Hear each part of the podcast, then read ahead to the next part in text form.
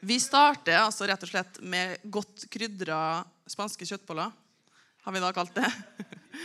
Først opp på vårt fantastiske rekke av herlige mannfolk i dag er Edvard Tornes.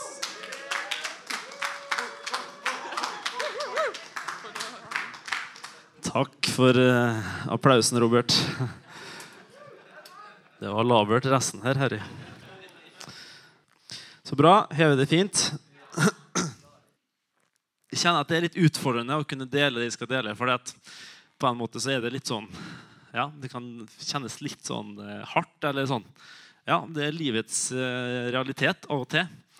Samtidig så jeg ber nå om, til dere og, og til Gud si, om nåde og forståelse. om at eh, ja, jeg, tror vi, jeg, tror vi, skjønner hva vi ønsker, eh, og hva jeg, jeg, prøver å si med, med det jeg skal dele innen de neste minutter. Mm. Jeg tenker at eh, Først og fremst da, så er det viktigst å tenke at uansett hva vi opplever, så er, er, er budskapet, da, hovedbudskapet er at Gud er god. Gud alltid er der, og at han forlater oss aldri. Og klart at Det er mye som, som vi opplever som, eh, som kan være uforståelig. Men jeg tror ikke vi skal liksom vende ryggen til Gud for den grunn. 2019 starta brått for oss alle. Vi mista to gode venner, Jørgen og Eirik. Eh, ja, det var en tragisk ulykke.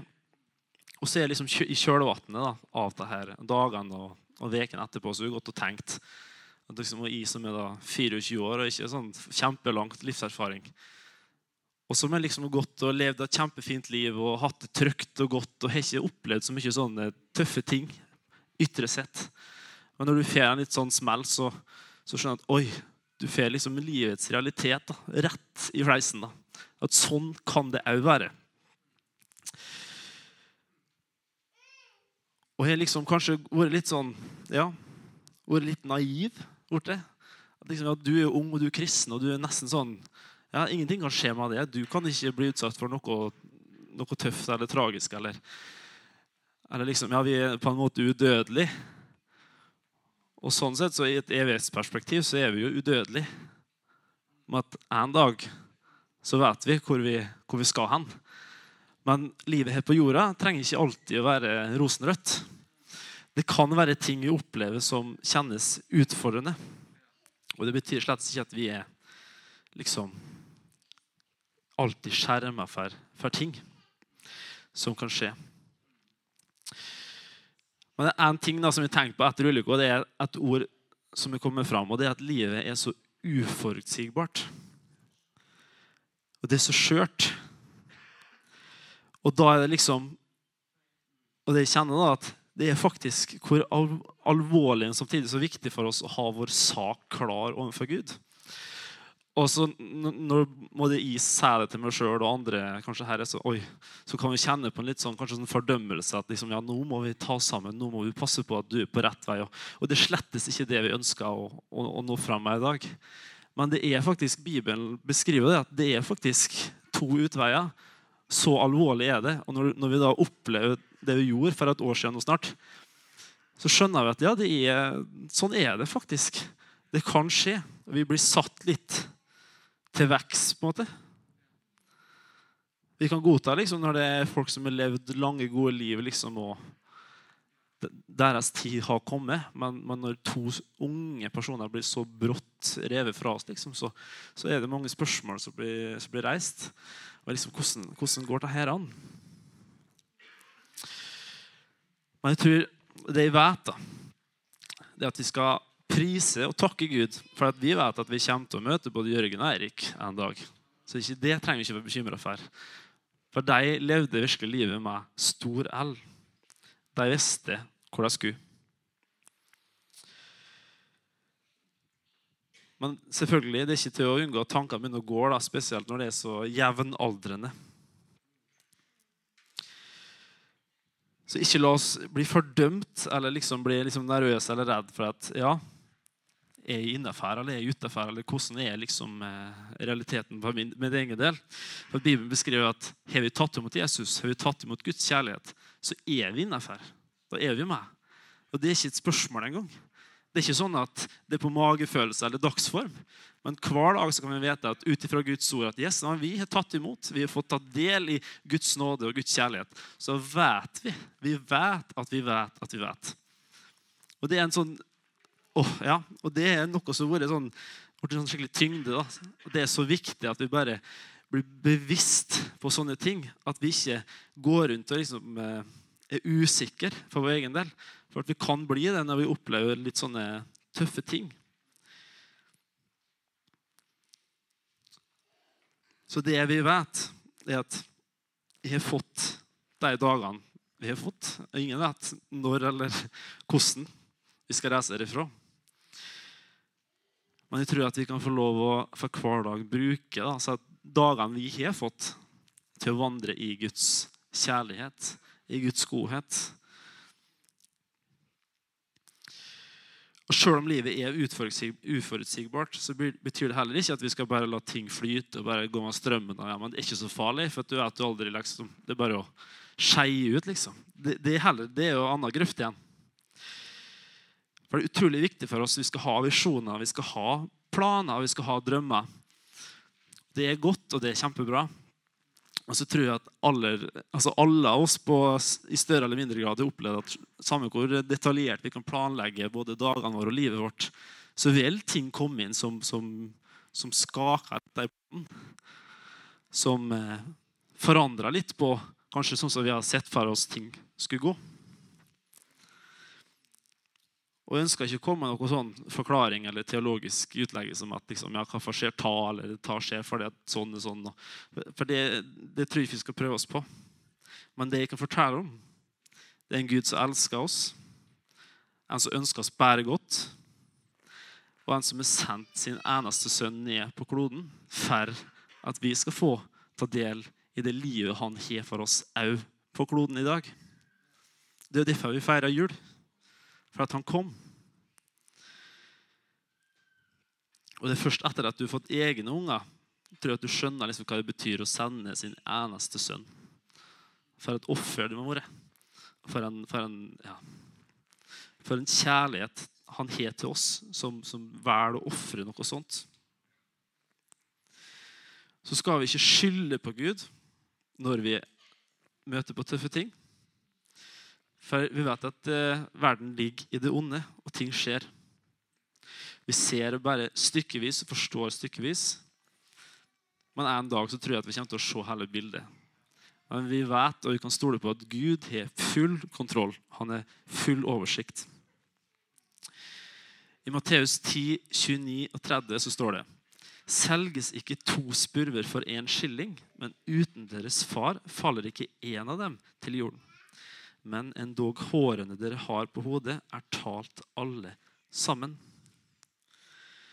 Og Dette forteller meg om en Gud da, som har full kontroll. Han har, han har tellinga. Matteus 10, 29-30. Så Min bønn for 2020 det neste året er at vi både på personlig plan som enkeltindivid, men også som, som, et kollektiv og en menighet skal få lov å tre inn i alt det Gud har lagt klart for oss for de dagene som kommer. Og Det må starte med at vi har en hunger, vi er sultne og vi er tørst på at ja, vi ønsker å ha mer av det. Jesus. Vi ønsker å, å komme liksom tettere, nærmere det her, og søke det her. Og liksom få ta del i hva er det du har da? Hva er det du har for, for, for all, hver enkelt en som med de ulike gavene og talent og personligheten som vi er. Hva er det du har lagt klart for oss i det året som kommer? For det er så viktig for oss at vi bruker hver dag på en god måte. At vi tar de rette prioriteringene, de rette valgene. Og at ikke vi skal bli liksom, gå i fordømmelse om at ja, nå tabba du igjen, så nå er det over ut. liksom. Nei, men, men, vi, men, omvendelsen er der. Som er så fantastisk at vi kan få lov Yes, nei, men nå, nå bomma vi. Snur, nå vender vi oss om. Vi snur, vi snur arket. Så begynner vi på nytt. I dag. Nå. Fra nå. Matteus 6, 33 sier at vi skal først søke Guds rike og hans rettferdighet. Og Så står det videre at vi ikke skal bekymre oss for morgendagen. Vi har ingen garanti faktisk for morgendagen, og det er jo det vi har egentlig skjønt. da, og jeg har skjønt. Det er ingen garanti for morgendagen, for det vi helt sikkert vet, det er altså her og nå. Så la heller dette bli et budskap der du kjenner at du kan få bli oppmuntra til å ta rette valg, ta gode valg og ønske å leve et liv for Jesus. Livet er for kort til å stagnere i fortida og til å stoppe opp og ikke gå videre. Klart at det, det, er ting vi kanskje må ta oppgjør med, eller enten om det er vi som har gjort noe, eller noen som har gjort noe mot oss som ikke er bra, så, så må det gjøres opp i. Men det er så viktig å ikke stoppe opp. Og Gud ønsker at vi skal leve hele liv på alle plan. Og i oss sjøl er dette umulig. Vi vil aldri klare liksom, å nå opp til det idealet eller liksom bli tilfredsstilt liksom, eh, i oss sjøl. Og klare det. Og det er bare i Gud at vi kan få den hvilen i at vi først og fremst kan få leve ut ifra at vi er godtatt, vi er elska, vi er innafor. Og ut ifra det så kan vi få begynne å leve. Ikke motsatt. Det er ikke av gjerninger, men det er på tross av våre gjerninger. Så kan vi få lov å leve. Og det er vår motor, at det er vår motivasjon i livet til å ønske å leve hver dag. At det ikke liksom er ut ifra frykt og redsel liksom for å dø, liksom, hva skjer nå, men at vi heller kan ha den sikkerheten. Yes, men Jesus, du er med oss. Du, vi, vi, er, vi er på lag. Så uansett som møter oss, så vil han bære oss gjennom ting.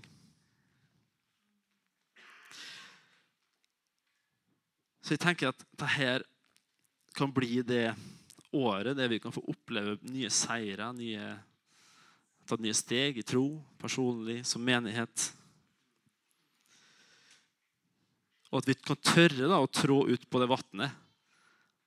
Ikke i oss sjøl, men med blikket festa på Jesus. Og Jeg ønsker å avslutte med Lukas 4, 17-19, der det står De ga ham profeten Jesajas bok. altså da De ga boka til, til Jesus. Og da han hadde åpnet boken, fant han sted der det står skrevet Herrens ånd er over meg, for han har salvet meg til å forkynne evangeliet for fattige. Han har sendt meg for å forkynne fanger at de skal få frihet, og for blinde at de skal få syn. For å sette undertrykte fri for å forkynne et nådens år fra Herren. Så kan ikke det være vår bønn at yes, 2020 det skal bli et nådens år for Herren. Der vi skal få lov med frimodighet gå inn i alt det Han allerede har lagt klart for oss å tre inn i. Amen. Takk for meg.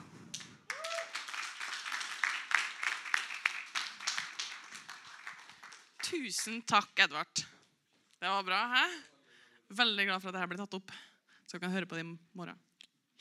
Neste på lista ta godt imot Robert Berle Johnsen.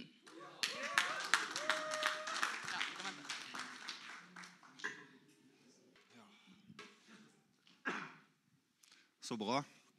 Jeg kommer til å gå litt mer på det personlige, altså det jeg har opplevd i år. Um, og det starta jo, som Edvard sa, med at vi mista to eh, fantastiske gutter. Min måte å håndtere det på var først å være litt uberørt, bare grine en liten tåre nå og da. Og så når jeg da satt i bilen på vei til jobb, på vei fra jobb, da var jeg sint.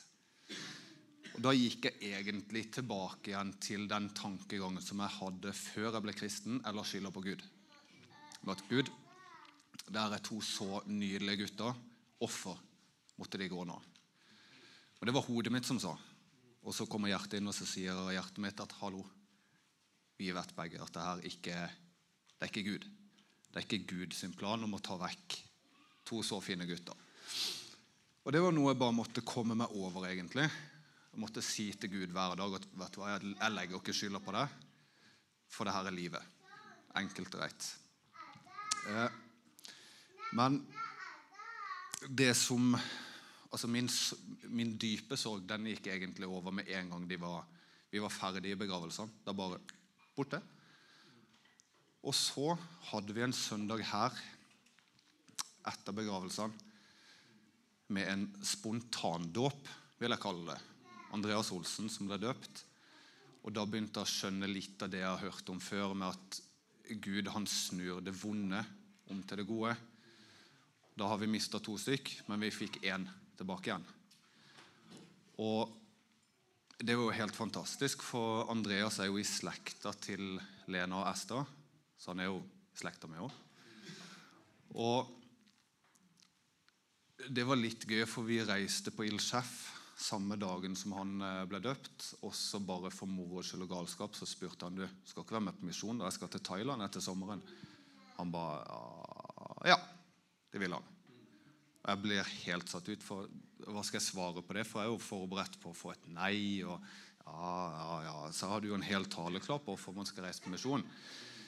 Eh, det var bare til å droppe. Eh, men det som var gøy, da, det var, at det var et nytt vennskap som ble etablert. Som i dag er sterkt. Det er veldig sterkt, det vennskapet mellom meg og Andreas. Uh, vi gikk gjennom mye. Vi var i Trondheim på møte, og vi fikk prate mye. Han fikk lov til å dele fra livet sitt, jeg fikk lov til å dele fra livet mitt.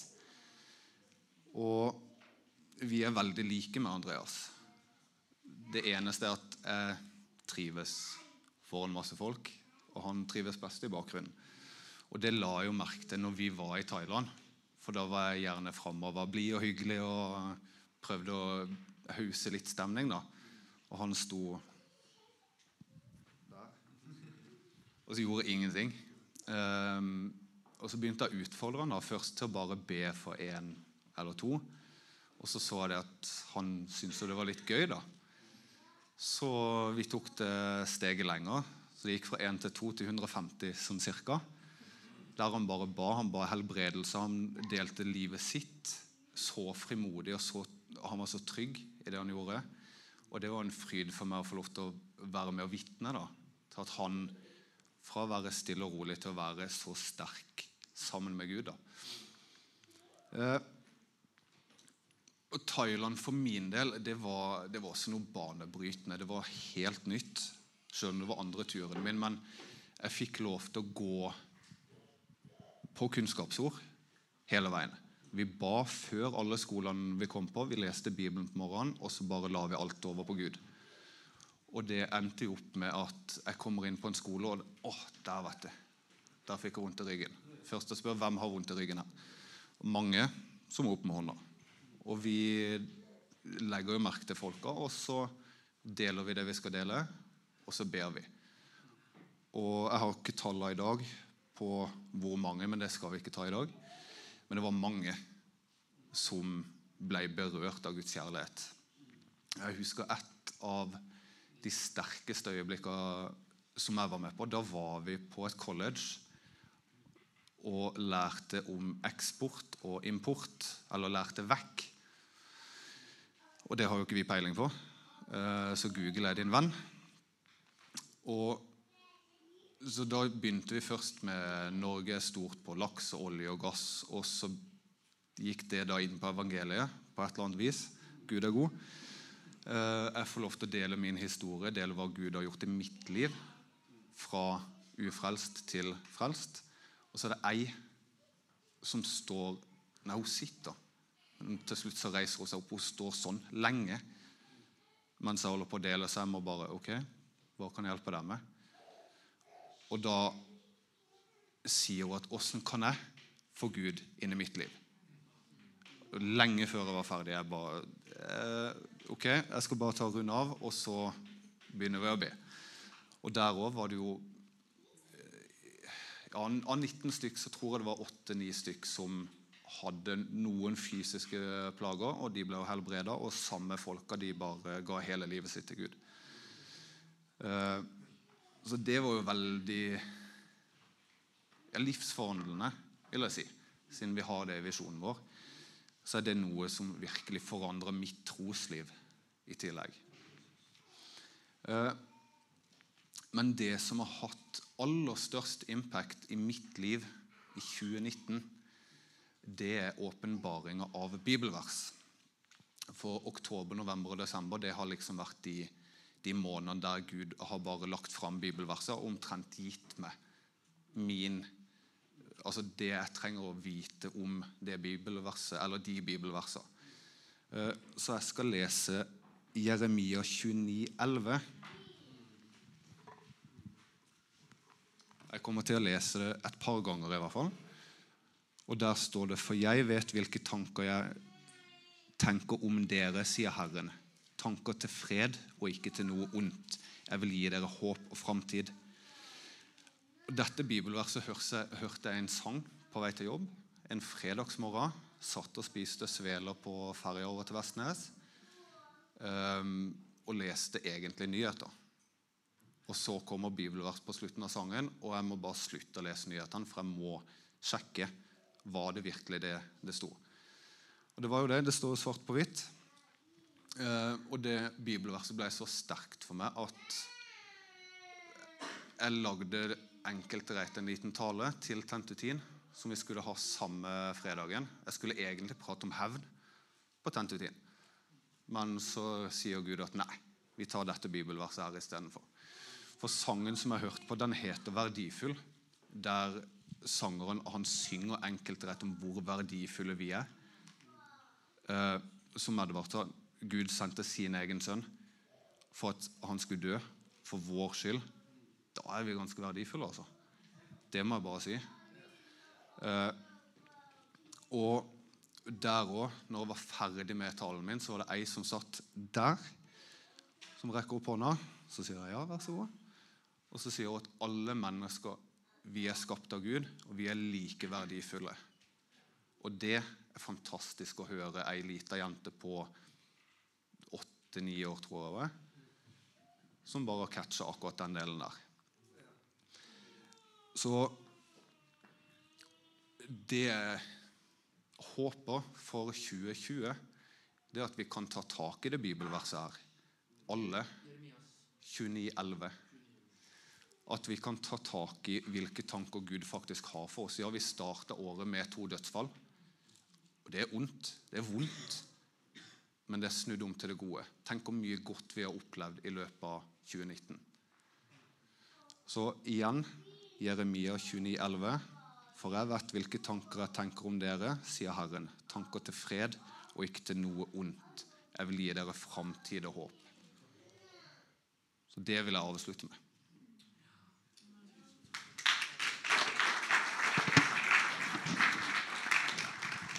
Tusen takk, Robert. Vi hopper rett på tredje rett. Jon Edvin Tornes.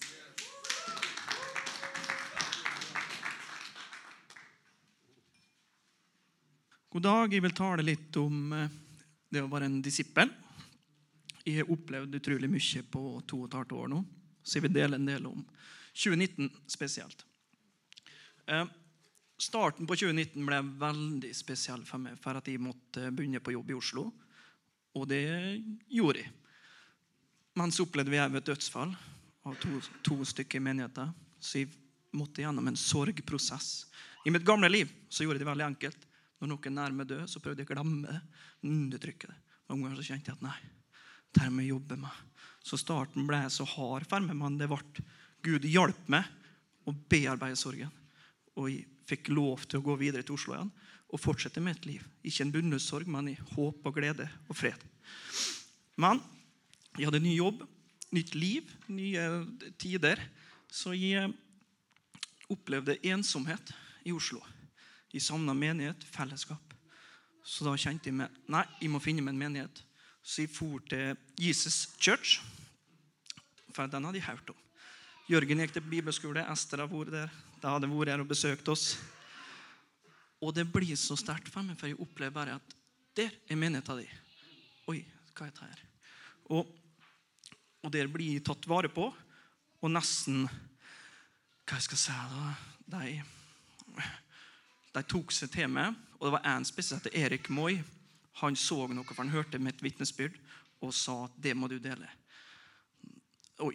Og han utfordra meg på å dele på en uh, revival night. Jeg kvidde meg sånn, for at sceneskrekken er så stor. Men jeg kjenner noe, men jeg bare legger det vekk, for det er en grunnløs frykt.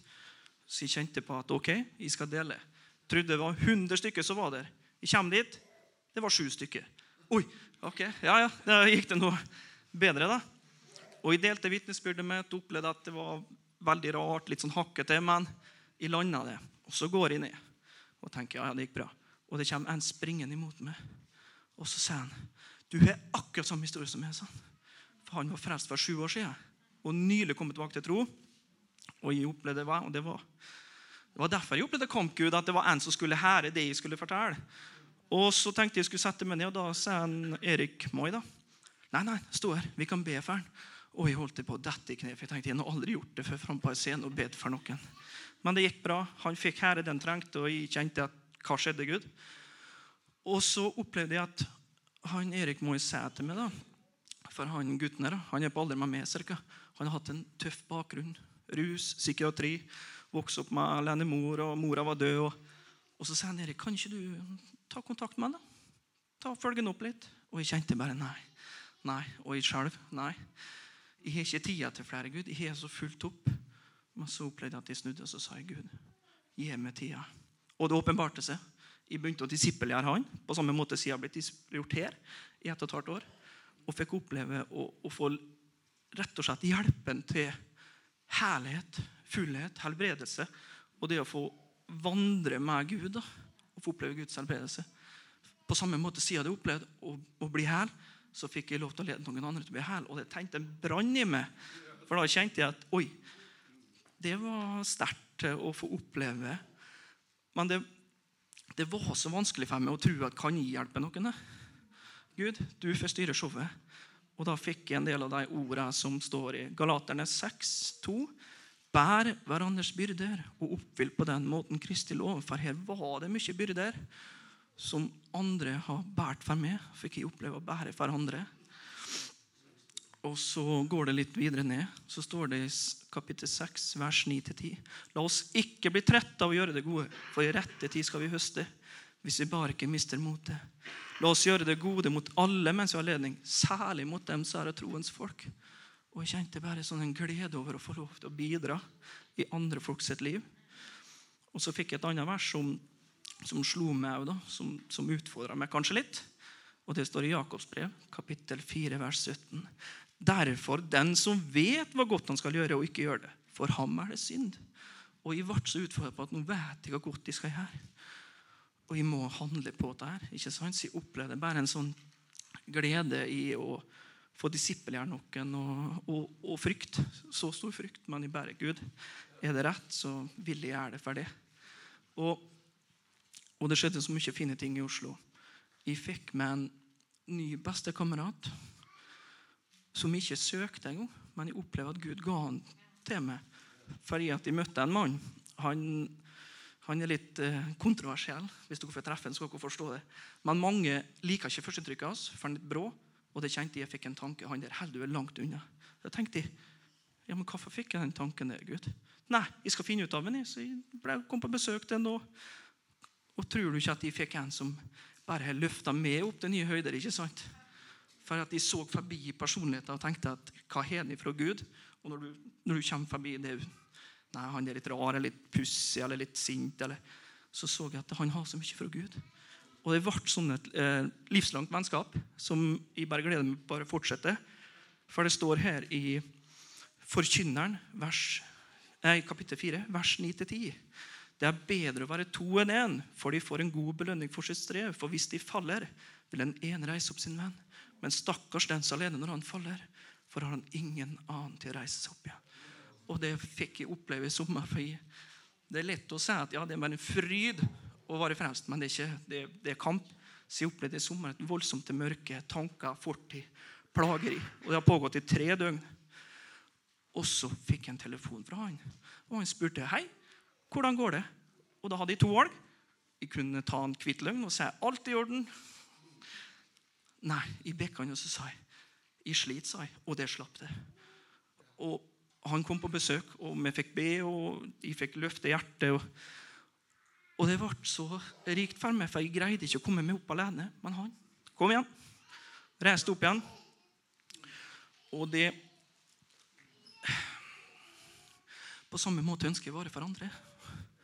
For jeg opplever det å, å glede å få disipler andre, å få løfte andre og bære andre. og, og, og for å gi det jeg har fått, det vil jeg gi videre. På samme måte som jeg ble satt fri fra det mørke, så vil jeg være med og sette andre fri.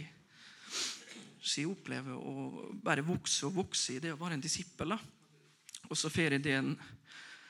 Ja, det må kanskje Jeg kjenner meg kanskje litt, litt rart å si, men jeg kjenner meg veldig hjertet for de som ingen andre vil borti. De som kanskje er en tung fortid, litt narkotika, rus, psykiatri. det er som folk kjenner at nei, takler ikke sånne personer, så kjenner jeg mer sånn Du skal snakke med deg. Du skal være med deg. Så jeg opplever sånn som Jesus satte seg ned, og så sier fariseerne i Matteus kapittel 9, vers 9-13. Så kan vi se Fariseerne så, så at han satte seg ned. Hvorfor spiste dere mest det samme med tollere og syndere? Jesus hørte og sa til dem, de friske trenger ikke lege, bare de syke. Gå og lær hva dette betyr. Barmhjertighet er det jeg behager, og ikke offer. Jeg er ikke kommet for å kalle rettferdige, men syndere til omvendelse. Sy Å, kjære Gud, skal jeg greie dette? her, tenkte jeg flere ganger. vet du. Og På samme måte står det i Lukas' evangelium. Når Jesus sier jeg sier dere at på samme måte skal ha større glede i himmelen over en syndes omvendelse enn over 99 rettferdige som ikke har bruk for omvendelse. Så det å sette oss ned og kanskje være i lag med folk som ingen andre vil borti, kanskje, eller tenke nei, ta, for jeg har hatt så mye tanker det, ta for noen andre her, og så opplever Gud seg nei, du skal gjøre det. Oh, Men det er, ikke, det, det, det, er en glede når du ser vandringa og livet der han blir løfta, der blir helbreda, der blir satt fri altså, ifra så mye. Og så vil jeg dele litt om det skjedde jo så mange ting i år, men det at jeg flytta til Oslo, det ble det største valget i mitt liv. For jeg ble satt på prøve. Jeg rådførte med mange. Alle sa bare 'far, du'. Ingen som skal si jeg skal bli da. Og jeg fikk en billig plass å bo, jobb jeg elska, menighet og venner. Det var ingenting som sto i veien utenom meg sjøl. Og da fikk jeg det verset som står i Jakobs brev, kapittel 4, vers 13-15. Og kapittel 4, vers 13-15, Jakob. Og nå dere som sier i dag eller i morgen vil vi dra til den eller den byen og bli et år, kjøpe og selge og få fortjeneste der.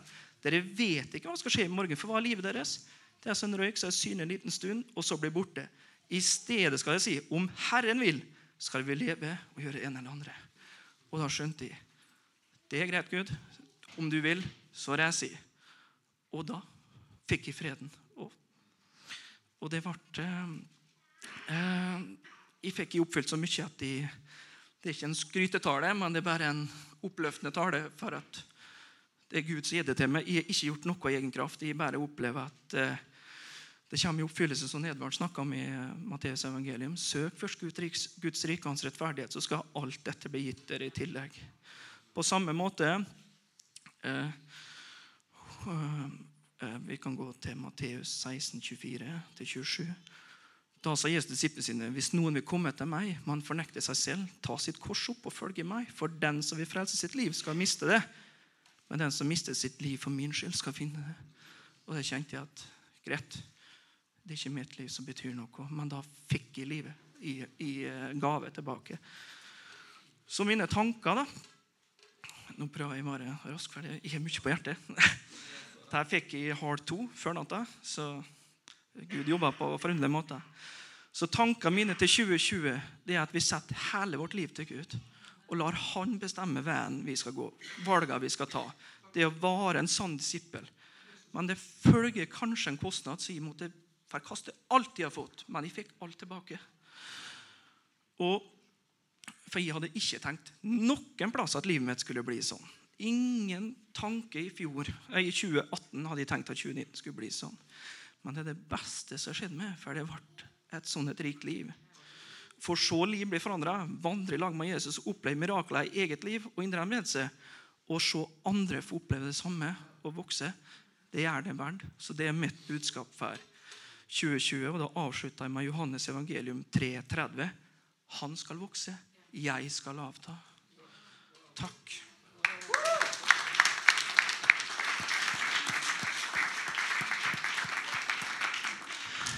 Igjen veldig bra. Det var tre gode. Da tar vi en god en til. Erlend Indergård, vær så god.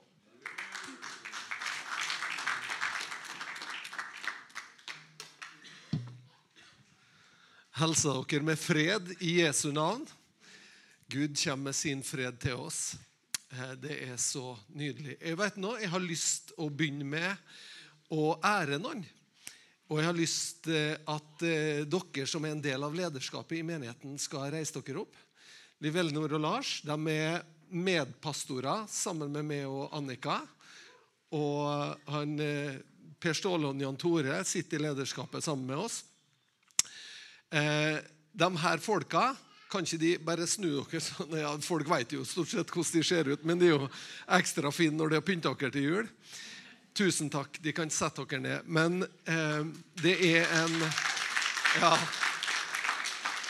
Det er en skikkelig ære å tjene Gud sammen med de her folka. Og, og det er litt sånn som eh, Når man kommer på søndager, så vet man ikke alt som er, ligger under, og alt som på en måte rører seg i, i, i et menighetsfellesskap. Men eh, det her lederskapet i denne kirka er, har en veldig styrke i å høre fra Gud. Og plukke opp og være nøye med på en måte, hva er det Gud taler til oss. Eh, og være nøye også med å gjøre ut ifra det Gud taler til oss. Så det er et privilegium å tjene Gud sammen med dere. Jeg har veldig tillit til dere og, og føler meg beæra av å få lov å stå sammen med dere. Dere er fantastisk gode folk. Um, og så skjønner jeg ikke at det går an å treffe så godt så mange ganger som jeg ser at uh, Liv Ellinor hun er veldig sånn profetisk i ting. Og, og for et uh, par, ett og et halvt år siden så, så kjente jeg jeg har sagt nei til Jeg har fått veldig mange invitasjoner til å komme utenlands og preke og sånn. Og så har jeg sagt nei. Eh, I 15 år har jeg sagt nei til å komme utenlands for å preke evangeliet. Fordi at jeg har kjent at jeg, preke, jeg skal bygge lokal menighet. Jeg skal bygge her. Eh, og jeg kan være med å sende andre, og det har vi gjort. Det har Vi gjort sammen. Vi har sendt mange på misjon, men jeg har kjent at jeg skulle, skulle være, være, her. da. Eh, og så For ett og et halvt år siden så kjente jeg at nå kanskje jeg skal få lov å, å begynne å reise litt. da. Og så når, eh, når lederskapet skal bestemme hva de skal gi i 50-årsgave til meg, så bestemmer de og Jeg tror det var du, Liv Elnor, som kjente på det at, eh, at vi skal sende en på misjon sammen med Daniel. Eh, og Vi var i India sammen med Daniel, og vi hadde ei fantastisk reise. Utrolig mye som skjedde. og Ikke bare med folk der, men også i oss. Vi har en, eh, en formiddag vi skulle ut og ha noen leder, lederseminarer Eon Daniel, og vi hadde en og en halv time i bil. Sette oss i bilen utafor hotellet og, og kjøre av gårde, og vi begynner å be. Eh, vi, vi, to, også han eh, kontakten vår der nede, som er pastor for, eller leder for 300 menigheter. Og eh, så når vi begynner å be, så plutselig så kommer det profetisk ånd i bilen. Og han begynner å profetere, og han tar det så sterkt inn i livet mitt, så jeg bare blir så berørt av Gud den formiddagen at det, liksom hele turen, om det så har vært for det, liksom, så taler han ting som, som, Gud har talt til meg for 25 år siden. Som jeg ikke har sagt til noen. Det bare liksom er han spot on da, og bekrefter og, og sånn. da, så det er og så er det jo selvfølgelig også det man får oppleve av at evangeliet er, evangeliet er Guds kraft til frelse. Det er fantastisk. Og Noen ganger så, så, trenger vi å se det på Vi trenger å se det så virkelig som en Robert sier. Vi trenger å se det på en sånn måte at måte, alt det her norske, alt det forfina, alt det her Egentlig så har vi det så godt at vi, vi, vi er ikke i den posisjonen at vi er nødt å søke Gud. Vi er i en posisjon der ja, fint hvis Gud gjør et mirakel, men vi klarer oss lell. Sant? Ikke sant? Og det blir en litt sånn, litt sånn Det farer i hvert fall for at det blir en litt sånn likegyldig holdning hos oss som er troende i vestverden. da. For at om ikke Gud skulle gripe inn, så kan vi nå ringe Nav. Sant? Så det er liksom, det er godt å se altså til, og med, til og med hinduer som liksom som bare altså, De må bare ha et mirakel. Og så får det bare være så at det er Jesus som kommer med det. liksom. Eh, vi må ha et mirakel. Og så, og så fikk vi jo noen meldinger ifra, etter at vi har dratt derifra, Eon Daniel, så fikk vi noen SMS-er. så Og så skrev jeg ah, we got so many praise reports eh, ene dagen. Og, og, og det er jo fint, ikke sant? Og så, og så spør vi dagen etter, for da kom det ah, there is so many testimonies. Og så tenkte jeg at ja, det hadde vært fint å høre noen av dem. da. Og så begynner det å komme inn SMS-er med, med meldinger om forvandla liv. Om, om hjernesvulster som er forsvunnet, om blinde som har fått synet igjen. Tre blinde som fikk synet igjen, og jeg sto og ba for en guttunge som ikke hadde øye. Han hadde ikke fysisk øye. Eh, og, og, Du blir så grepet, for det er en gutt. sant? Han, har, han, er seks år, han har et liv foran seg, han ser ingenting. Og her eh, så er det ingen system liksom, som kan ta, ta hånd om en. Han er prisgitt folk rundt seg. Og vi ber til Gud, og, og, og, og mennesker får hørselen tilbake. Og så begynner rykter å gå, og så fortalte julebrevet om denne lille gutten på åtte-ti år som er lam. På ene sida, venstre sida, kan ikke bevege armene, eh, armen og, og foten eller beinet. Og så bare får du rapporter tilbake der Jesus har bare kommet og berørt på en sånn fantastisk måte at gutten dagen etterpå springer rundt på gårdsplassen. Fantastisk altså hva evangeliet er, og hva evangeliet har evne til å gjøre. Og jeg tenker at det, og det får vi lov å stå med, og det får vi lov å være representanter for.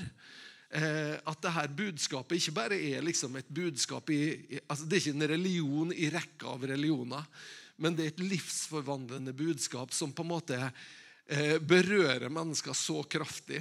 Eh, og, og, nå i det her, det her I den familien da, som, som, i utgangspunktet var en hindufamilie for tre-fire uker siden, så er det nå starta en, en ny en house church i den familien. Er ikke det, er ikke det nydelig?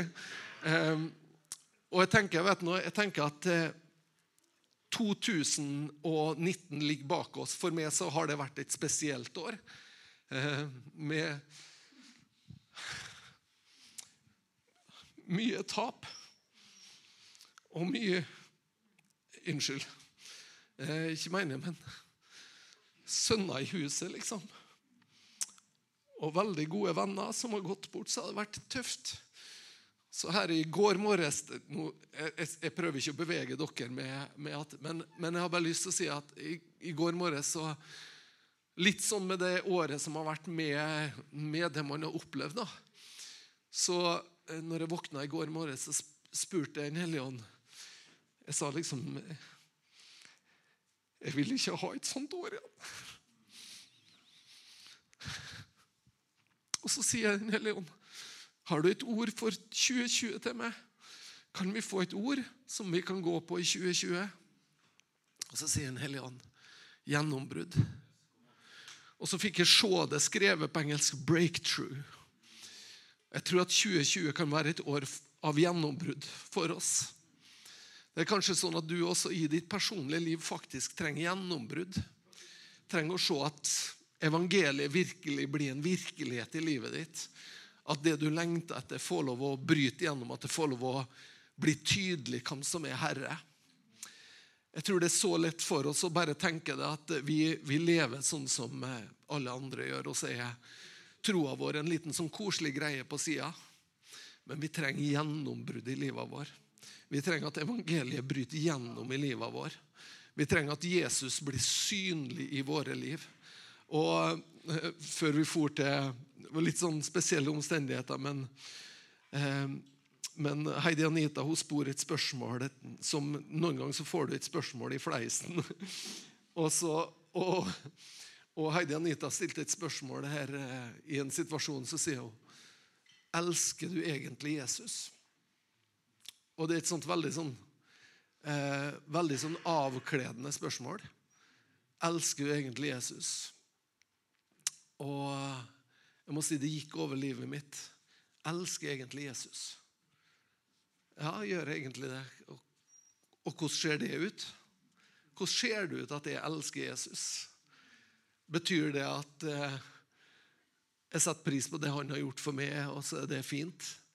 Eller kan det bety at eh, Jesus, hvor skal vi gå? Hvor ellers skal vi gå? Hvem andre altså La oss heller Ja, Men Jesus, jeg har lyst til å dø for det. Hvis det kreves, så har jeg lyst til å dø for det. Jeg har lyst til å dø bort ifra mitt, mitt ego. Jeg har lyst til å dø bort ifra meg sjøl. Jeg har lyst til å dø bort ifra at jeg er herre i mitt eget liv. For det er stor forskjell på å ta imot Jesus som herre og frelser. Herre, da er han sjefen. Frelser, da er det han som har redda deg. Men hvis du sier at Jesus er herre i livet ditt, så sier du at det er han som er sjefen. Og det er stor forskjell, faktisk. Det får ringvirkninger, det får konsekvenser. Jeg tror at vi kan se et år av gjennombrudd. Jeg tror det. Men vi er nødt til å søke Gud. Vi er nødt til å, ikke for å overbevise Han om at det er lurt å gi oss gjennombrudd, men rett og slett fordi det er Han som er livets kilde. Og kan, der, det er hos Han vi kan hente det som Han vil gi oss. Amen. Mm. Herre Jesus, jeg takker deg. Takker deg for din godhet over oss, Herre. Vi takker deg. Jeg har lyst til å takke deg, Herre, for 2019. Eh, jeg har lyst til å takke deg for dette året som du har ført oss gjennom.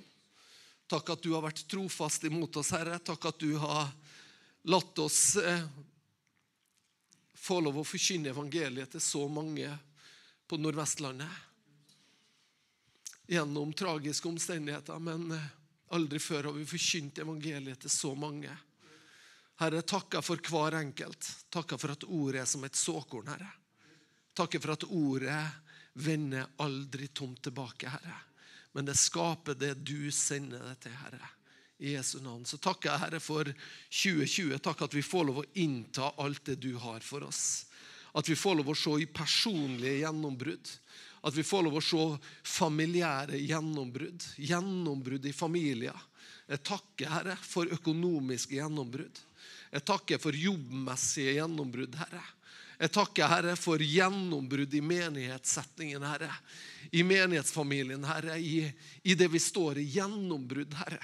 Takker for gjennombrudd i samfunnet vårt, Herre. La oss få lov å se at evangeliet bryter gjennom i samfunnet vårt, Herre. Vi ber om det, Herre. Vi ber om at eh, det skal være tydelige røster som reises opp, Herre, med gjennombruddskraft, Herre. Ikke som ber om unnskyldning, Herre, men som tar det, med nåde og sannhet inn i det her samfunnet vi er en del av, Herre. Vi ber om det, Herre, i Jesu navn.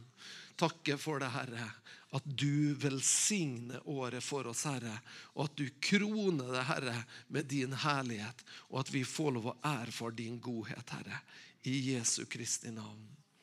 Amen. Amen. Amen.